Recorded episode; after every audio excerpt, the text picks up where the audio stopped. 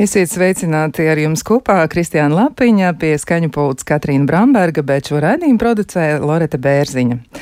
Būtu jābūt tā, ka zemes kakla vēzim nebūtu jābūt nevienas zaudētas dzīvības vērtam, un par to, kā to apsteigt, kā palīdzēt eh, pašiem sev un kā sabiedrību informēt par visām iespējām, lai zemes kakla vēzi mēs varētu novērst iespējami ātri, un patiesībā pat par to kādreiz nākotnē neraizēties, par to arī šodien runāsim. Bet pirms mēs sākam sarunu par šo tematu, Nu, tāda ļoti interesanta lieta, ko es esmu noskaidrojusi, izrādās, eh, ka attiecībām var būt ļoti liela ietekme uz dzīvi, sākot pat no skolas laika eh, un, eh, nu, tā teikt, no tām skolām, kuras cilvēki apmeklē, beidzot arī ar darbu un tādiem sociāliem burbuļiem, ja mēs tā to varam apzīmēt. Un ir diezgan grūti noskaidrot, nu, cik tad šīs attiecības ir ietekmējušas attiecībā uz ekonomisko stāvokli nākotnē. Un izrādās, ka, ja pēta tāds, nu, tādus tā kā Facebook savienojumus un savstarpējās saites, saites starp cilvēkiem ir konstatēts, un to ir eh, noskaidrojuši sociālie eh, psihologi un sociologi. Viņi ir sapratuši tādu lietu, ka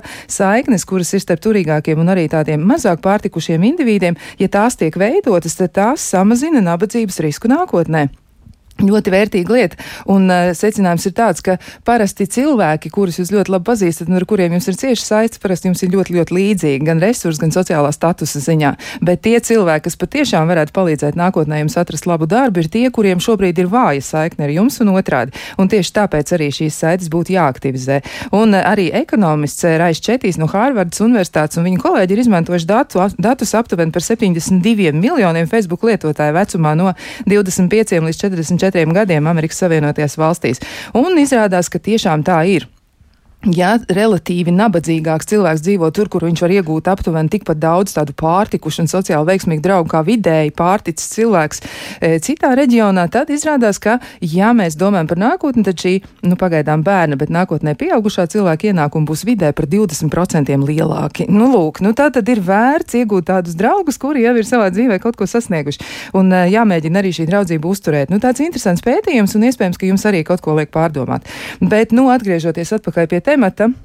Tātad pie tā, ko mēs pārspēdīsim šodien, eh, dzemdes kakla vēzi, um, mēģināsim varbūt sākt ar, ar pašu sākumu, un tad eh, par šo sākumu arī mums izstāstīs studijas viešņas, un es uzreiz arī iepazīstināšu eh, ar viešņām, kuras mums šodien studijā m, mm, ir klāt uz vietas. Un tātad tā ir dzemniecības un ginekoloģijas katedras asociētā profesora Rīgas Austrumu Klīniskās universitātes slimnīcas ginekoloģe Jāna Žodzika, un, nu, tad sveiciens jums! Labrīt! Un vēl pie mums arī tieši tāpat eh, Rīgas Austrum Kliniskās Universitātes slimnīcas onko ginekoloģe Arta Spridzāna ir pat uz vietas sveicināta. Labrīt! Un vēl esam sazvanījušies arī uh, ar Latvijas lauku ģimenes ārstu asociācijas prezidentu Līgu Kozlovsku. Sveicināti! Nu, rekā, mums tur ir, eh, mums tur ir jauka mūzika, tātad acīm redzot, ir kaut kas ar sakariem, bet mēs viņus pārorganizēsim un viss būs dzirdams. Līga Kozlovska arī būs kopā ar mums. Un, um, Mēs eh, noteikti arī varēsim apspriest tās eh, lietas, kas ir saistītas tieši varbūt ar reģionu skatījumu un arī ar ģimenes ārstu līdzdalību šīs problēmas risināšanā un novēršanā. Bet varbūt es vispirms vērsīšos pie profesors eh, Janas Žodzikas. Nu, jums ir tādas tēzes, par kurām jūs gribējāt runāt. Mēs par to vienojāmies jau pirms šīs studijas sarunas. Varbūt ar to arī sāksim. Jā, paldies. Pirmkārt, es gribu izteikt pateicību Latvijas rādio, kas ir iesaistījies uh, Latvijas vēža izglītības fonda, Latvijas ginekologu asociācijas un Latvijas kolpaskopijas biedrības organizētajā informatīvā kampaņā, kā apsveikt dzemdes kakla vēzi. Un šodien es tiešām ceru, ka radio klausītāji gūs plašāku ieskatu par šo problēmu un arī metodēm, kā patiešām mēs šo ļaundabīgo slimību varam apsteigt. Es ļoti vēlētos, lai no šī raidījuma klausītāji paņemt sev līdzi trīs pamata atziņas.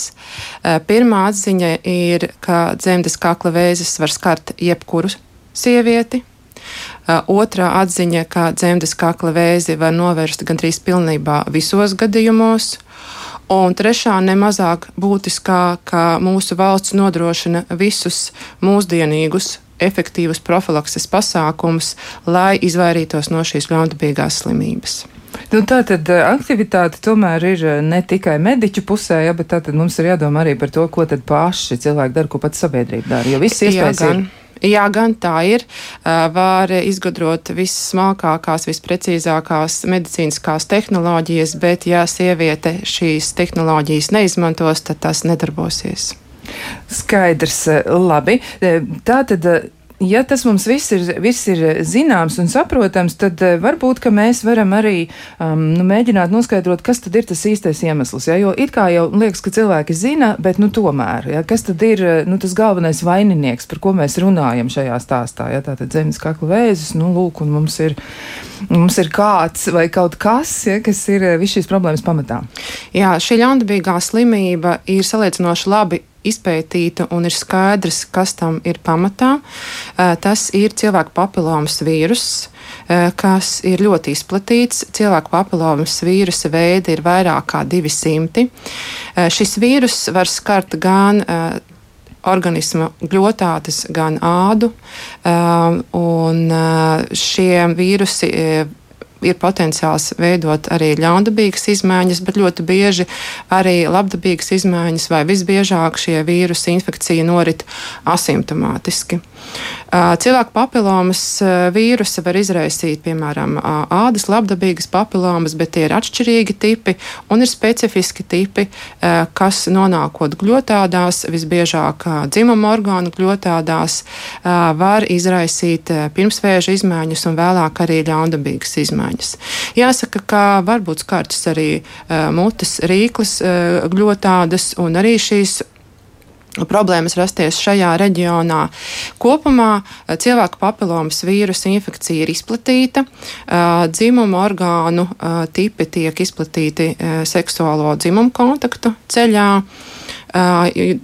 Ir pierādīts, ka katrs cilvēks, kas kaut reizi dzimuma dzīvi dzīvojis, ir inficēts ar šo. Vīrusu taču lielākajā gadījumā šī infekcija norit asimptomātiski bez sekām. Iedarbojoties organisma imūnai sistēmai, šis vīrus tiek no organisma ātri izdalīts, un cilvēks nenojauš, ka šāds vīrus ir bijis. Viņš kā nācis, tā arī gājis projām. Taču 20% šis vīrus dažādu faktoru dēļ var saglabāties organismā. Tas var ieiet šūnā, mainīt šūnas dabu, izraisot sākotnēji pirmsvēža izmaiņas, un nelielā gadījumā skaitām arī ļaundabīgas izmaiņas. Un ņemot vērā, ka šie procesi aizņem nu, norit daudzu gadu garumā, tad ir iespējas pirmām kārtām jau novērst inficēšanos ar primāro profilaksi, tā saucamā primāro profilaksi, jeb vakcināciju pret cilvēku papilomas vīrusu. Un otrām kārtām tas dot iespēju saulēcīgi konstatēt, vai ir vīrus dzimuma orgānu, respektīvi tieši dzemdes kakla gļotādas šūnās, vai, un vai šis vīrus, ja tur atrodas, ir radījis pirmsvēža izmaiņas. Un, ja tās tiek konstatētas, tās veiksmīgi var izārstēt un novērst dzemdes kakla ļaundabīgas izmaiņas izmaiņas šajā apvidū. Nu, tā tad diezgan nozīmīgs jautājums ir profilakse un arī tāda laicīga konstatēšana. Nu, šajā mirklī mēģināsim pārliecināties, vai, vai Latvijas lauku ģimenes ārstu asociācijas prezidenta mums ir izdevies sazvanīt, un mēģināsim pārliecināties. Sakiet, lūdzu, Līga Kozlovska, vai ir ar mums, vai viss ir mums izdevies? Skaidrs. Tā tad izskatās, ka mums tomēr eh, laikam nav izdevies sazvanīt Līgu Kozlovsku. Pamēģinām vēlreiz, kā tur ir. Nu, katram gadījumam tomēr jāpārliecinās divreiz. Nu, šķiet, ka, ka laikam līga mūs nedzird. Nekas mēģināsim vēlreiz. Tas, tas nav problemātiski. To mēs noteikti atrisināsim. Bet, nu, tad varbūt nākamais jautājums, ja reiz mēs eh, par to profilaksi runājam, varbūt es arī uzreiz uzdošu jautājumu um, onkoginekoloģijai Ārtais Pridzānai. Nu, kā ir, nu, cik tad būtiski ir konstatēt to iespējami ātri, ja, jo tad, ja tā slimība attīstās, tomēr nu, tā gaita ir tāda, nu, kāda viņi ir, un, un, un tomēr tā ir milzīga problēma, kas būtu jārisina. Tad cik ļoti liela nozīme ir tai ātrai konstatēšanai? Hmm. Tā tad. Pirms atbildēt uz šo jautājumu, mm, vēlētos mazliet arī ieskicēt par to, kāda ir situācija Latvijā šobrīd tā nav iepriecinoša. Vidēji gadā Latvijā tiek konstatēti 200 līdz 250 jauni dzemdes kakla vēža gadījumi. Un turklāt apmēram 60% no šiem gadījumiem mm, ir tā saucamajās ielaistajās stadijās kad zemes kakla vēzis jau ir izplatījies uz blakus esošiem audiem vai limfmazgliem, vai arī jau ir devis attāls metastāzes. Ja mēs skatāmies Eiropas kontekstā, tad Latvija ir apmēram 8. vietā dzemdas kakla vēža saslimstības ziņā un mirstības ziņā. Mēs esam piektie. Tas nozīmē, kas arī atspoguļo šo te, uh, ielaisto stadiju, uh, lielo uh, pārsvaru. Uh, dzemdas kakla vēzis uh, arī ir saslimstība, kas neprogresē ļoti strauji. Mm, teiksim, ir nepieciešami arī vismaz kādi septiņi vai pat desmit gadi, kamēr no pavisam maza milimetros mērām audzēja, tas būs šajās ielaistajās stadijās. Mm. Tādēļ tas mums arī dod šo laiku, ja mēs konstatējam agrīni, vēl ārstēt ar daudz saudzīgākām metodēm, kā arī dodot pacientei šo iespēju dzīvot gan kvalitatīvi, bez nopietnas, smagas ārstēšanas radītiem blakus efektiem, gan arī dzīvot ilgi. Tādēļ jā, šī agrīnā diagnostika ne tikai ietekmē to, ka mēs varam novērst priekšvēju stāvus, bet arī veiksmīgi ārstēt, ja mēs to agrīni atklājam. Vēl fakts, ko gribēju pieminēt, ka Latvijā mm, vidēji pacients tiek diagnosticētas kad viņām ir 54 gadi. Pirmais vilnis 45 līdz 50, un nākamais ir 70, kas arī atspoguļo to, ka jā, šis zemes kakla vējs ir sācies jau ap 30, bet tad, kad mēs viņu sastopam, jau sieviete ir šajos gados, un tas ir ielaists. Kā pretstatu varam minēt Lielbritāniju, kur visbiežāk dzemdas kakla vēzi atklāja 35 gadu vecumā, bet 60% tas ir ļoti mazs un arī veiksmīgi ārstējams. Un kā jūs to izskaidrosiet? Vai tas ir par to nu, profilaks politiku, vai, vai nu, kādi ir tie, tie iemesli, kāpēc tur veicas labāk?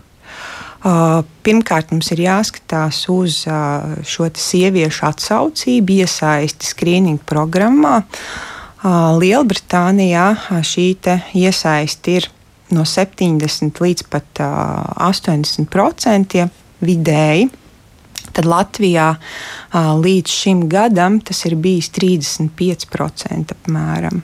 Tātad sievietes neatnāk uz šo pārbaudi, līdz ar to mēs nevaram konstatēt, kādēļ sievietes aktīvāk iesaistās Liel, Lielbritānijā skrīningā. Droši vien jāskatās uz to, ka tur ir jau senas skrīninga tradīcijas.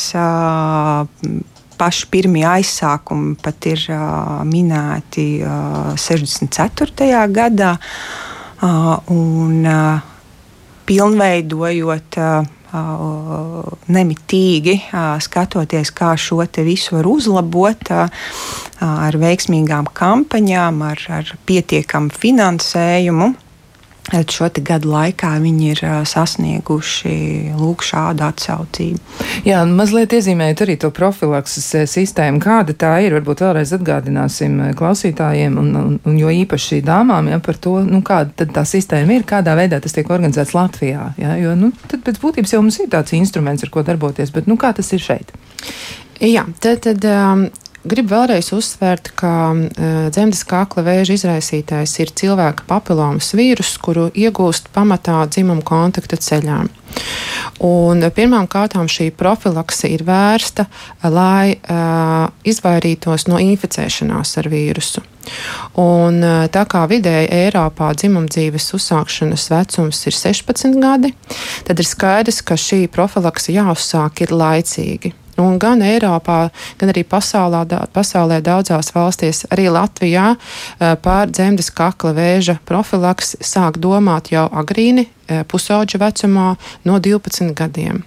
Šeit es gribu akcentēt arī to, ka cilvēku papilomas vīrusus var skart arī vīriešus, Uh, un vīrieši var būt gan uh, kā uh, avots vīrusam, tieši tāpat kā sievietes, gan arī ciestu no šī vīrusa. Ne tikai dzemdes kakla, bet arī dzimumlocekļa, arī anālā apvidus, mutes rīkles, dobuma, ļaundabīgie audzēji ir saistīti ar cilvēku papilomas vīrusu. Un veicot vakcināciju pusauģu vecumā, mēs par 90% samazinām iespēju inficēties cīnīties ar šiem augsta riska, jeb tiem vīrusiem, kuriem ir potenciāls izraisīt vēzi, un tādējādi efektīvi, ļoti efektīvi samazinām šīs ar cilvēku papilomas vīrusu saistīto saslimstību izplatību. Un meiteņu vakcinācijas vēsture Latvijā jau ir vairāk kā desmit gadi, un mēs esam priecīgi, ka no šī gada arī uh, Zēnu vakcinācija ir iekļauta valsts vakcinācijas kalendārā. Tātad no 12 gadiem zēni un meitenes tiek vakcinēti, un līdz 18 gadiem meitenēm un pagaidām līdz 15 gadiem zēniem šo vakcināciju apmaksā valsts. Te es gribu tomēr informēt, ka ja, piemēram, šo vakcīnu veids ārpus citos vecuma grupās pa maksu, tad šīs vakcīnas cena ir kaut kur robežās no 150 līdz 160 eiro. Un tās ir līdz 15 gadiem ir divas vakcīnas, vecākiem pusauģiem trīs vakcīnas. Tas ir tas, ko mūsu valsts nodrošina. Šīs vakcīnas ir pētītas jau ilgstoši, vairāk kā 20 gadi. Šīs vakcīnas visas pasaules autoritatīvās organizācijas ir atzinušas par drošām, un arī Latvijā jau šī vakcinācija notiek ilgstoši. Tāpēc es tiešām gribu izmantot izdevību un akcentēt, ka vakcinācija pret cilvēku papilomas vīrusu ir droša, tā ir efektīva. Mūsu valsts nodrošina visefektīvāko vakcīnu, kāda pasaulē ir pieejama. Eh, bet ar šo profilakse nebeidzās. Eh, nākamais etaps, kā jau es teicu, šī vakcinācija eh, palīdz novērst 90% no ļaundabīgām izmaiņām. Tad paliek lūk šie 10%. Un šiem 10% un arī uh, individiem, kas nav vakcīnu saņēmuši, tad arī ir uh, tiek piemērota nākamais profilakses etaps. Tas ir identificēt tās sievietes, kurām ir dzemdes kakla ļaundabīgu izmaiņu risks. Līdz šim šis risks tika identificēts, jeb noteikts, meklējot dzemdes kakla uztriepēs šūnu izmaiņas. Un tā ir tā saucamā citoloģiskā analīze, jeb citoloģiskais skrīnings, ko veids no 25 līdz 70 gadiem. Šeit uzreiz iezīmēšu, kāpēc ne ātrāk, tāpēc, ka līdz 25 gadiem šīs ļaundabīgo izmaiņu risks ir ļoti, ļoti niecīgs. Vienkārši nav nepieciešams ātrāk sākt. Un kāpēc ne pēc 70 gadiem? Ja sieviete ir regulāri veikusi skrīninga pārbaudes pēdējos desmit gadus, tad, tad mēs zinām, ka no inficēšanās brīža radās sākotnēji pirmsvēža izmaiņas, tad ļaundabīgas izmaiņas, kam ir vajag vismaz desmit gadi. Tad, tad ja šīs pirmsvēža izmaiņas nav konstatētas, tad desmit gadu laikā pēc tam šī vēža rašanās iespēja ir niecīga. Nu, lūk, un tad, tad ar šo citoloģisko uztriepu skrīningu meklē izmaiņas šūnās. Un tā tas ir arī šobrīd sievietēm, kas ir vecumā no 25 līdz 30 gadiem, bet vislielākais jaunums ir tas, ka sievietēm no 30 gadiem mūsu valsts ir radusi finansiālu iespēju ieviest tā saucamo cilvēku papilomas vīrusu skrīninga programmu, kas ir pierādījusi savu efektivitāti, daudz lielāku efektivitāti pētījumos pasaules pieredzē nekā citoloģiskais skrīnings. Uh, jo uh, citoloģiskās skrīnings ir ļoti efektīva metode, bet tā nav ideāla. Cilvēku papilomas vīrusi tad, tad sākotnēji tiek meklētas sievietes, kurām ir šie augsta riska vīrusi. Un tālāk, ja šie vīrusi tiek konstatēti, protams, tas nenozīmē, ka sievietei ir pirmsvēža izmaiņas. Kā jau es teicu, visbiežāk tā var būt bezsimptomu vīrusa nēsāšana. Tad, kā nākamais etaps, tiek veikta šī citoloģiskā uztriepa, kad zem mikroskopa ārsti skatās, vai ir izmaiņas šūnās. Un, ja nepieciešams, veic arī papildus izmeklējumu, ko sauc par kolposkopiju, kad um, speciāli, specializēti um, aparāti tiek izmantoti lai identificētu dzemdes kaklā pirmsvēža izmaiņas. Šeit var rasties jautājums, kāpēc cilvēku papilomas vīrusu nenosaka vecumā līdz 30 gadiem. Iemesls ir tas, ka līdz 30 gadiem cilvēku papilomas vīrusu sastop ļoti bieži, tāpēc, ka tas ir periods, kad rodas jaunas attiecības un šī inficēšanās iespēja ir ļoti augsta, bet lielākoties šie vīrusi ir, šie vīrusu infekcija ir pārējoša bez sekām. Un ir novērots, ka tikai ilgstošu vairāku gadu gadījumā, ja persistējoša cilvēku papilomas vīrusa infekcija uh, var izraisīt nopietnas pirmsvēža izmaiņas, un uh, gan teorētiski mēs varam parēķināt, kad šīs attiecības veidojas un cik ilgi paiet laiks, kad uh, kopš attiecību sākuma, gan arī praksē, gan arī pētījumos ir pierādīts, ka mērķiecīgi šo vīrusu uh, uzsākt meklēt pēc 30 gadiem. Jo mums interesē tas vīrus, kas sēž šonās vismaz trīs gadus un vairāk.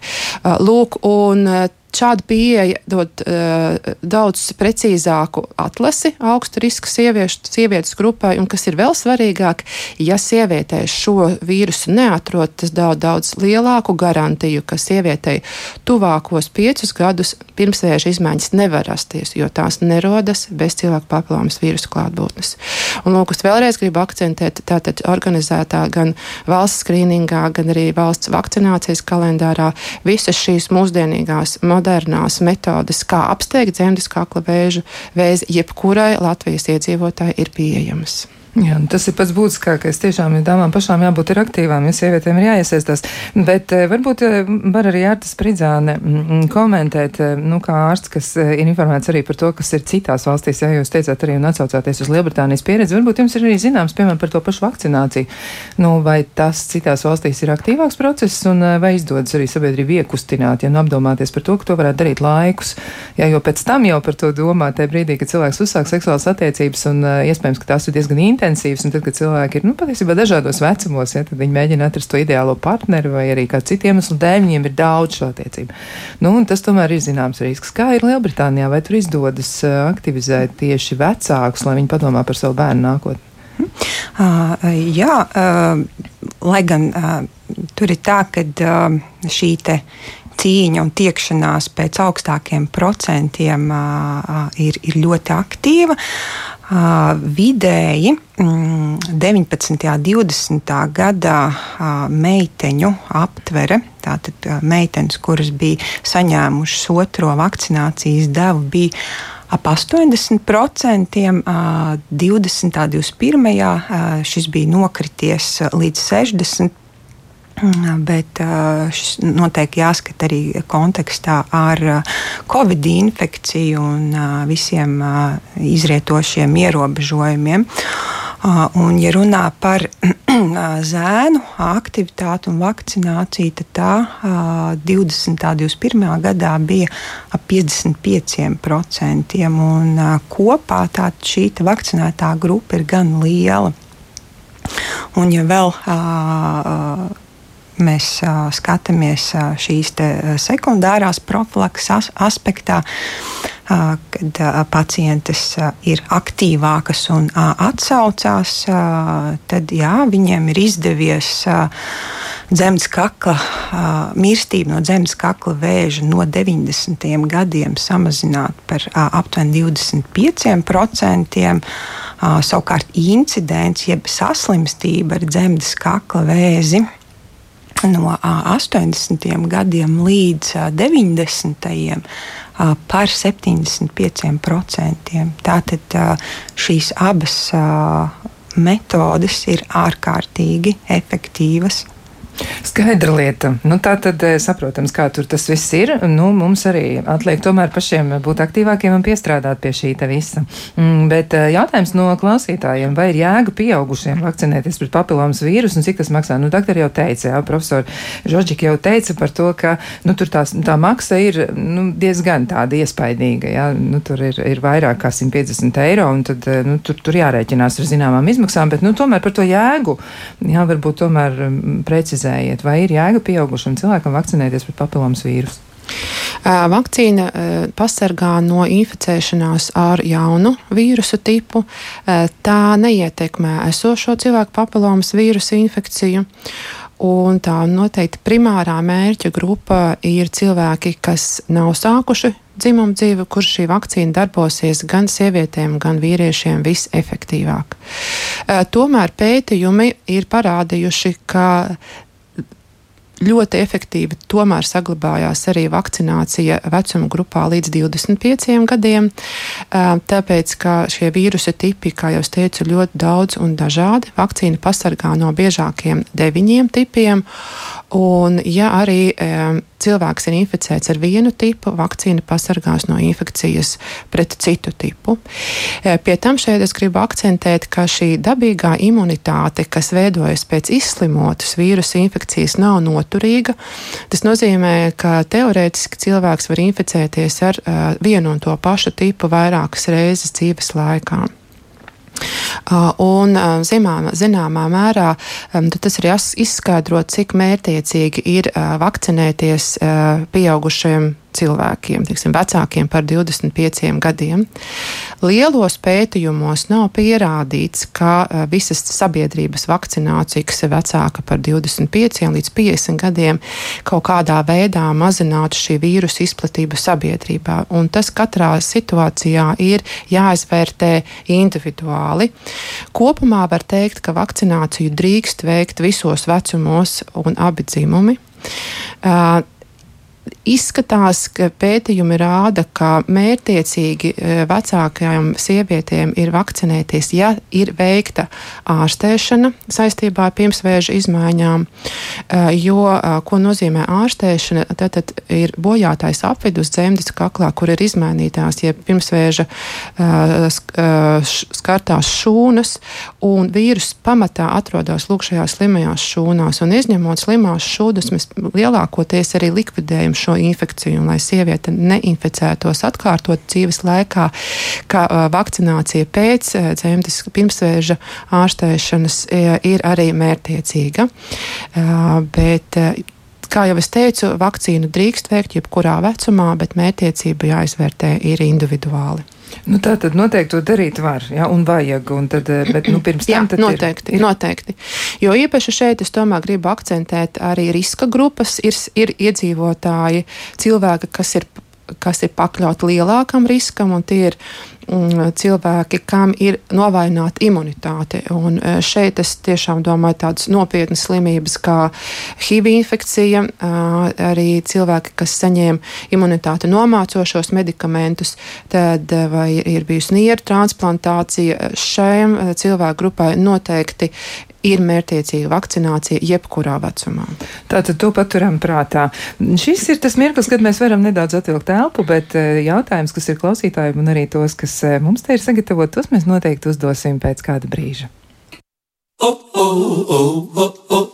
Kā labāk dzīvot?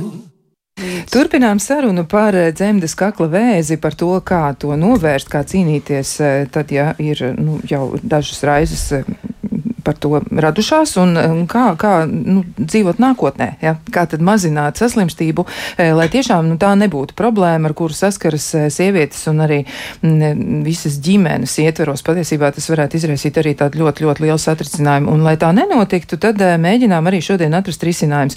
Un atgādināšu arī par studijas viesiem, un tie ir dzemdību un ginekoloģijas katedras asociētā profesora Rīgas Austrum Klīniskās universitātes slimnīcas ginekoloģija Jāna Žodžika. Vēl pie mums ir arī arī onkoginekoloģija Arta Spridzāna, kur arī pārstāv Rīgas Austrum Kliniskās universitātes slimnīcu.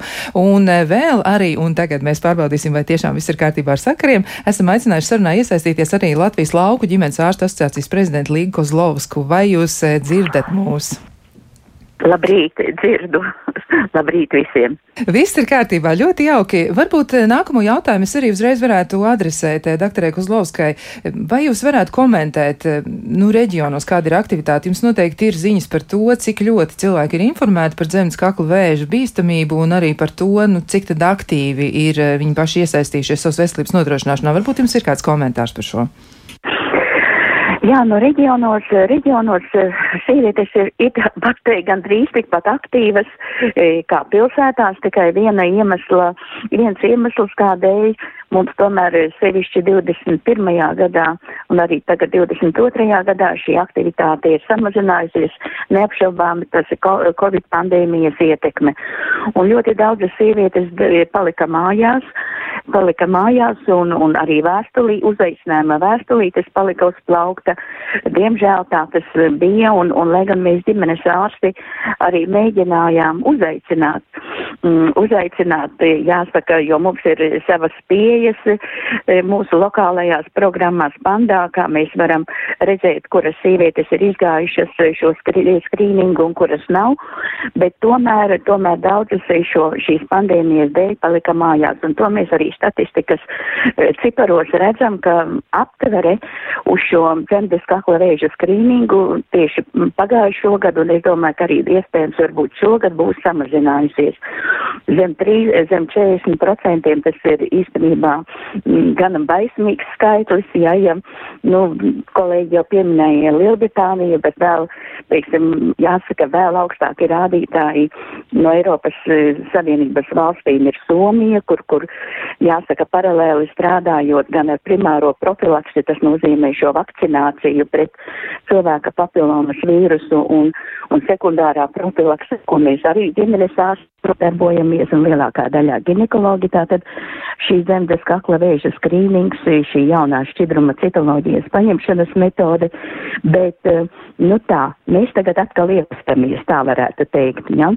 jo katrs, nu, teiksim, ģimenes ārsts ir, ģimenes ārsta komanda ir iesaistīta šajā profilakses jomā divējādi. Tātad viena lieta, ka mēs uzaicinām uz vakcināciju 12-gadīgās meitenes un puišus, un tas ir pamatā ģimenes ārsta darbs, ģimenes ārsta komandas darbs, un es, es piemēram, šo darbu esmu deleģējis vienam savam palīgam, otrs palīgs varbūt man darbojas ar sirds veselību, un, un eh, vēl, teiksim, papildus um, uzdevums ir tātad, tagad man trešais arī šis ir darbinieks, un tas man eh, saliek telefonā sievietes, kurām ir nepieciešams ierasties uz dzemdes kakla vēža skrīningu.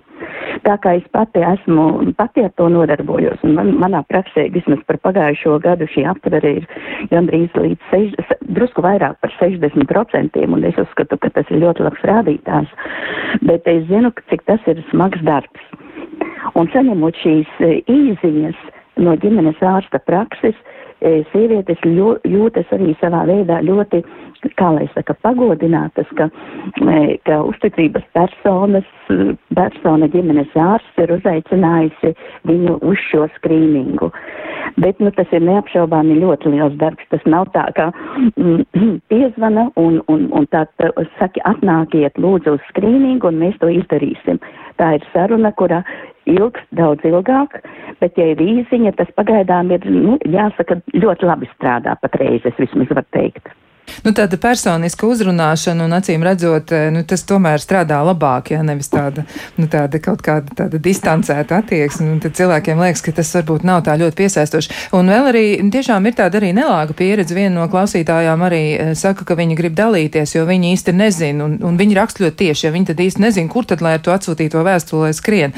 Jā, jo viņas eh, po poliklīnikā ginekologam ir visvisādas iekārtas, bet, nu, viņi nav apmierināti ar to, kāda ir attieksme un kādi ir rezultāti un vizīti, nu, 100 eiro apmērā viņi var atļauties tikai labi, ja vienreiz gadā, un viņi ir bijusi šādā vizītē, viņi saka, tā bija pilnvērtīga ārsta vizīte, un atšķirība ir ļoti, ļoti liela, jā, un, uh, Nu, viņa, viņa, šī klausītāja ļoti noraizēsies par to, jo viņai ir tāds sajūta, ka tā viņas ginekoloģija, kas ir tā saucamā poliklīnikas ginekoloģija, viņa nav ieinteresēta. Un arī, nu, tiešām klausītāji ir tāds ļoti, ļoti liels šaubas par to, vai tiešām viņi saņem tādu pilnvērtīgu profesionālu palīdzību. Nu, varbūt ir kāds komentārs, ja varbūt arī iespējams ir jāmeklē kāds cits jā. ārsts, un tad uh, doktor Kozlovs, mm -hmm. grib komentēt, ja tas ir. Jā, jā. Es, es gribētu teikt, ka uh, ģimenes ārsts ir savam pacientam uzticības persona, bet es gribētu teikt arī ginekologs. Katrs ginekologs ir savas, sava, savas pacientes uzticības persona. Tas ir tajā labajā nozīmē, kā vajadzētu būt. Un es kā ģimenes ārsts īstenībā zinu arī savas sievietes, kuras ir izvēlējušās savu ginekologu un, un tie, tas ir vai man, manā pašas novadā, vai tas arī Rīgā dažreiz ir, dažreiz tas ir blakus novadā, bet mēs vienmēr runājām, pie kuras, pie kura ginekologa viņa aizies paņemt šo skrīningu. Dabiski mūsu valstī ir ļoti tāda e, smaga situācija, e, nu, apmēram puse no Latvijas ginekologiem ir privāti praktizējoši ginekologi. Un šī onkocitoloģijas paņemšana ar, nu, te, uz, saistībā ar šo uzaicinājuma vēstuli ir bez maksas, bet tas ir tāds ļoti, nu, jāsaka, finansiālajā ziņā ļoti tā mazākā daļa, ja, jo pie privātā ginekologa ejot tā pārējā ginekoloģiskā apskate, diemžēl, ir par maksu. Piemēram, pie valsts ginekologa ejot, gan ginekoloģiskā apskate, gan onkocitoloģijas skrīnings ir bezmaksas, tāpat arī pie tā ģimenes ārsta, kā pie manis, kad viņi atnāk, tad eh, viss šis komplekts ir bez maksas. Ja? Un, un dabiski skrīninga paņemšana kopā ar ginekoloģisko apskati ies, ietver arī konsultāciju par e, visām citām lietām, kas saistās ar sievietes veselību, ģimenes plānošana, e, varbūt e, postmenopauzes sindroma, simptomu, teiksim, analīze un, un izvērtēšana un palīdzība. Tāpat arī sievietēm, kurām ir varbūt arī kādas iespējamās seksuāli transmisīvās slimības, eh, vairāki dzimumu partneri. Un šis, eh, šis komplekts ietver praktiski ietverts tiek vienā e, konsultācijā un vienā skrīninga, jāsaka, skrīninga veikšanas e, konsultācijas reizē. Nu, tā, tā ir tāda mana pieredze, bet, e, nu, šai pacientei es laikam tiešām lūkšu izvēlīties varbūt tādu ginekologu, kas viņai, nu, kam viņa viņam varētu uzticēties vairāk, bet varbūt mani kolēģi vairāk varēs pa, papildināt. Jā, nu skaidrs ir viens, ka ir jāizvēlas ginekologs, kuram uzticas, jo tas ir arī tāds, nu, sensitīvs aspekts noteikti, ja tas nav tā vienkārši aiziet, eh, nu, tā, nezinu, parādīt, nu, dzimumu zīmīt uz vaiga, ja, uz sejas, tas ir kaut kas cits, tas ir kaut kas, kas arī ir iekšēji noteikti saistīts ar tādu izjūtu, tas ir mans ķermenis un tad ir kaut kāda daļa intimitātes, tas nav tik viegli, bet eh, jautājums arī no klausītājiem ir arī vēl par, eh, par šīm lietām, un varbūt tad es arī viesiem studijā varētu uzdot eh, šo jautājumu. Ir tā, ka katru reizi, un tā, to raksta klausītāji, katru reizi, kad ir atnācis valsts uzaicinājums, esmu pārbaudījies pret papilomas vīrusu, un vienmēr ir bijis negatīvs rezultāts. Taču pērn man atklāja pirmsvēžu stadijas bojājums jau cīņa trešajā stadijā, un kā tas varētu būt iespējams? Nu, varbūt ir komentārs ja, no, no studijas viešņām, nu, kā tad šajā situācijā uz to rēģēt, kāpēc tā? Jā, paldies par šo svarīgo jautājumu. Um, Es gribu atgādināt, ka eh, līdz šī gada jūlijam tās izmeklēšanas skrīninga metode bija citoloģiskā uztriepe. Paplomas vīrusu uh, meklēšana uzsākta tikai no šī gada jūlija. Uh, citoloģiskā uztriepe tātad uh, ir metode, kad meklē izmaiņas šūnās, un tās izmaiņas, ko mēs meklējam, ir pirmsvēža izmaiņas. Uh, jāpaiet ir kaut kādam laikam, kamēr šīs izmaiņas parādās, un šo izmainīto šūnu daudzums ir pietiekošs, lai uh, redzētu to uh, zem mikroskopa uztriepē. Un cīņa trīs ir tas, patiesībā sakot, ko mēs meklējam.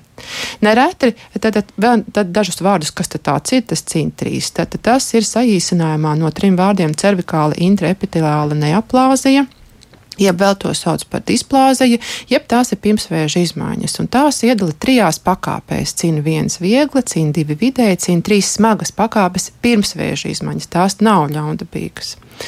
Cīna viens izmaiņas, jāsaka, atrod ļoti bieži. Tās visbiežāk saistītas ar pārējošu, jeb kā mēs sakām, svešvārdu tranzitoru cilvēku papilomas vīrusu infekciju, un šīs izmaiņas parādās un ļoti bieži dažu gadu laikā arī pazūd bez sekām. Cīņa divi tas ir tāds pārējais periods no cīņa viens uz, uz, uz, uz cīņa trīs. Uh, un tā var būt, ka šī pārēja no, no ir, ir, ir, ir, ir notikusi tādā apmērā, kad uh, tas nav nosakāms citoloģijā un uzreiz ir cīņa trīs. Bet es jāsaka, ka zināmā mērā parādās arī šīs citoloģiskās izmeklējuma, varbūt nelielie trūkumi. Uh, kopumā tā ir ļoti laba metode, bet tomēr savi trūkumi ir. Tāpēc šai uh, vecuma grupā, kad ir potenciāli vairs nav tik daudz šīs transitorās, bet ir šīs patstāvīgās cilvēku papilomas vīrusu infekcijas vecumā no 30 gadiem, no šī gada valsts šajā skrīninga programmā uzsākt cilvēku papilomas vīrusa testēšana. Ja? Bet te es vēlreiz gribu akcentēt, ka visa šīs skrīninga mērķis ir atrast lūk šīs cīņa trīs izmaiņas un ārstēt. Jo cīņa viens izmaiņas mēs faktiski neārstējam. Jā, un tās mēs novērojam, kā jau es teicu, tāpēc, ka tas var parādīties un pazust pats no sevis. Cīņa divi visbiežāk mēs ārstējam, jo tam ir ļoti cieša saistība ar to drīzu vai arī uh, paralēli cīņa trīs iz, izmaiņām. Jā. Tātad šis ir tas mērķis, kāpēc šī skrīninga programma ir nepieciešama.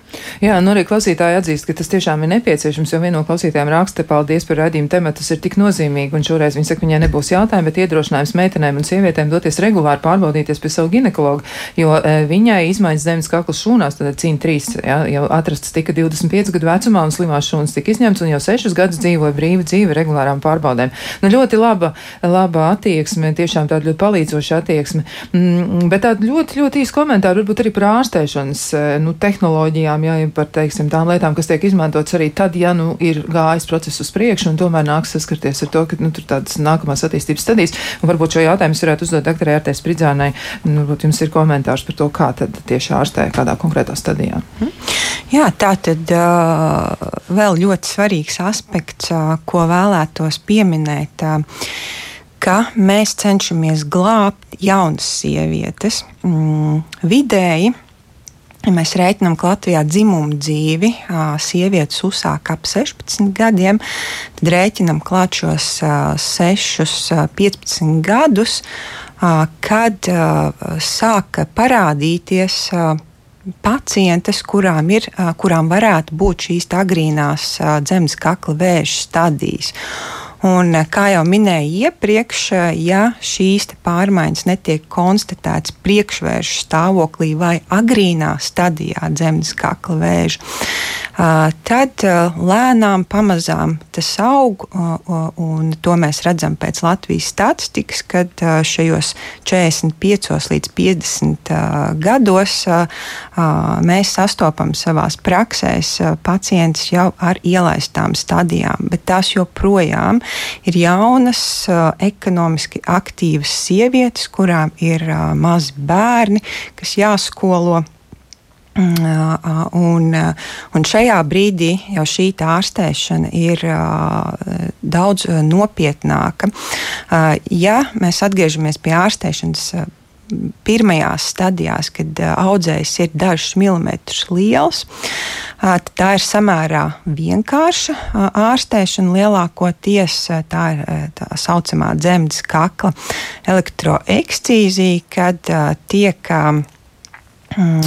izgriezti, jeb evakuēti šie bojātie audi. Šajā gadījumā pacientes dzīves kvalitāte, tālākas iespējas kļūt par māmiņu un dzīvot pilnvērtīgu dzīvi netiek tik būtiski ietekmētas. Savukārt, ja mēs runājam par ārstēšanu jau ielaistās stadijās, Tātad viena, viens šis bloks ir pacients, kurus mēs varam operēt, bet šī nav vienkārša operācija. Šī ir traumatiska, jo mums ir jāoperē ar blakus esošiem audiem, ar limfmazgliem, kas nozīmē to, ka tiek bojāti nervi, kas nodrošina to, ka sieviete var bez problēmām doties uz labierīcībām. Tas arī ietekmē seksuālo dzīvi nemaz nerunājot par jau vēlīnākām stadijām, kad operācija vairs nav iespējama, tad šajā gadījumā tiek kombinēta staru terapija ar ķīmijterapiju, kas dod visaugstākās blaknes, un sievietei ar šo te ir jāsadzīvo, viņas ģimenēm ar šo te jāsadzīvo, un arī šī dzīvildzība izdzīvotība krietni, krietni sarūk, ja mēs salīdzinām sievietei, kur ir ārstēta ar dažus milimetrus lielu audzēju, ar sievieti, kurai ir šīs ielaistās stadijas. Nu, tā tad ar to ir jārēķinās. Jā, klausītājiem vēl ir jautājumi, vai valsts sedz arī augsta riska eh, cilvēku papilomas eh, vīrusu onkogēnu E6-7 RNS noteikšanu ar ārstu nosūtījumu. Nu, tā tad tāds konkrēts jautājums. Vai tā ir? Jā, tātad ir dažādas metodes, kā noteikt cilvēku papilomas vīrusi. Ir zināmi vairāk kā 500 pasaulē dažādi testi, kā noteikt augstu riska cilvēku papilomas vīrusus. Uh, un tikai tie testi, kas ir pierādījuši savu drošību un efektivitāti nopietnos pētījumos, tiek piemēroti klīniskajā praksē. Ja mēs runājam cilvēku papilomas, par cilvēku papilomas vīrusa testēšanu ar mērķi veikt šo primāro skrīningu, jeb kā pirmo analīzi skrīningā, e, tad šeit tiek izmantoti tā saucamie DNS testi, e, un tas to apmaksā valsts. Um, Savukārt, vecumā no 25 līdz 30 gadiem jātiek veikta citoloģija, un ir tādas saucamās zema riska vai robeža izmaiņas, kuras var izraisīt gan zema, gan augsta riska izmaiņas, tad veids šo riska grupas šķirošanu. Papildus veicot cilvēku papilomas vīrusu testēšanu, tad var izmantot tā saucamās DNS testus, un tad šeit arī šos onkogēnus E6, E7 ko apmaksā valsts. Tad, tad kopsavilkumā E6, E7 onkogēnu noteikšana apmaksā valsts sievietēm, kam veikts skrīnings vecumā no 25 līdz 30 gadiem un kurām ir konstatētas robežu vai zema riska izmaiņas. Šis tests vēl tiek joprojām pasaulē pētīts, vai tas ir pietiekoši efektīvs, lai piemērotu primārajā skrīningā, tāpēc uz doto brīdi tas primārā skrīningā netiek piemērots. Skaidrs. Uh, nu, vēl jautājums arī, kā būtu jārīkojas ilgstošam partnerim, ja sieviete ir atklāts priekšvēža izmaiņas un tās ir izārstētas, vai partneris joprojām pārnēsā vīrusu, vai sieviete var atkal tikt inficēta, ja, un kā rīkoties. Un šajā gadījumā arī ir tā, ka citiem, nu, nu tātad, citu partneru nav, ja šīs attiecības ir tādas slēgtas un ļoti tādas godīgas, un, un nu, cilvēki tātad ir ļoti, ļoti laimīgi viens ar otru. Citu partneru nav, Kā rīkoties šādā situācijā? Jā, ļoti labs jautājums. Patiešām ir ārkārtīgi mērķiecīgi, pareizi jautājumi, tas, ko mēs esam varbūt piemirsuši sarunā, akcentēt. Jā, tātad vēlreiz cilvēku papilomas vīrusu patiešām skar abus dzimumus, un uzsākot attiecības ar lielāko varbūtību partneri ne tikai ar vīrusiem, bet arī citiem mikrobiem apmainās. Ja mēs runājam par cilvēku papilomas vīrusiem, cilvēku papilomas vīrus ar gadiem tas pazūd un paliek tikai 20% cilvēku. Un, um, tas var būt gan sievietēm, gan vīriešiem, bet jāsaka, ka vīriešiem šos izmeklējumus uz cilvēku papilomas vīrusu neveic. Uh, jo šo pašu vīrusu izārstēt nav nepieciešams, tad, tad vīrietis vēršas pēc palīdzības, ja ir uh, kādas sūdzības.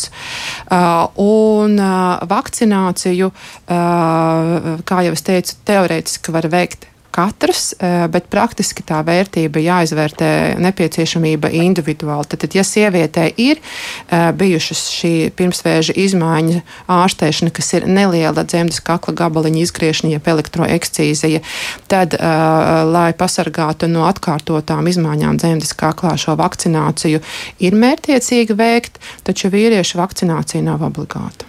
Skaidrs. Nu, tad tas būs arī aktuāli. Tad, ja visu dzīvi ir viens partners, tomēr varētu būt uh, svarīgi pārbaudīties un tad tālāk izdarīt tos secinājumus, ko tad ar to visu darīt. Jā, bet vīriešus mēs nepārbaudām. Jā, kā jau es minēju, šīs, šīs profilaktiskās izmeklēšanas vairāk ir uh, vērstas uz uh, sievietes zemes kakla izmeklējumiem. Ja ir vēlme vakcinēties, to drīkst darīt abi partneri.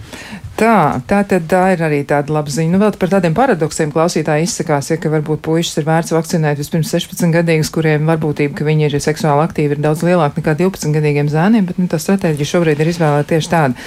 Es jā, varbūt komentēšu. Ļoti es ļoti īsti jā. komentēšu. Tas ir tāds eh, izmēģinājuma gads paraudzīties, cik tad sabiedrība būs aktīva. Un ja mēs sabiedrība aktīvi iesaistīsimies un uh, zēnus vakcinēsim un mēs profesionāli spēsim pierādīt, mūsu politikas lēmējiem, kad ir nepieciešams finansējums arī līdz 18 gadiem. Es ļoti ceru, ka tā, to izdosies iegūt no nākamā gada. Jā, ļoti jauki. Nu, mums ir diezgan daudz jautājumu palikuši. Tos mēs atstāsim kādai citai reizei. Un šai mirklī saku paldies gan profesorai Janai Žoģikai, gan arī onkogynekoloģijai Ārtai Spridzānai un arī, protams, doktorai Līgai Kozlovskai. Klausītājiem novēlam rūpējieties par sevi un noteikti, noteikti dāmas ejiet lūdzu pie sava izvēlētā labā ginekologa un lai jums veselība. Visu labu!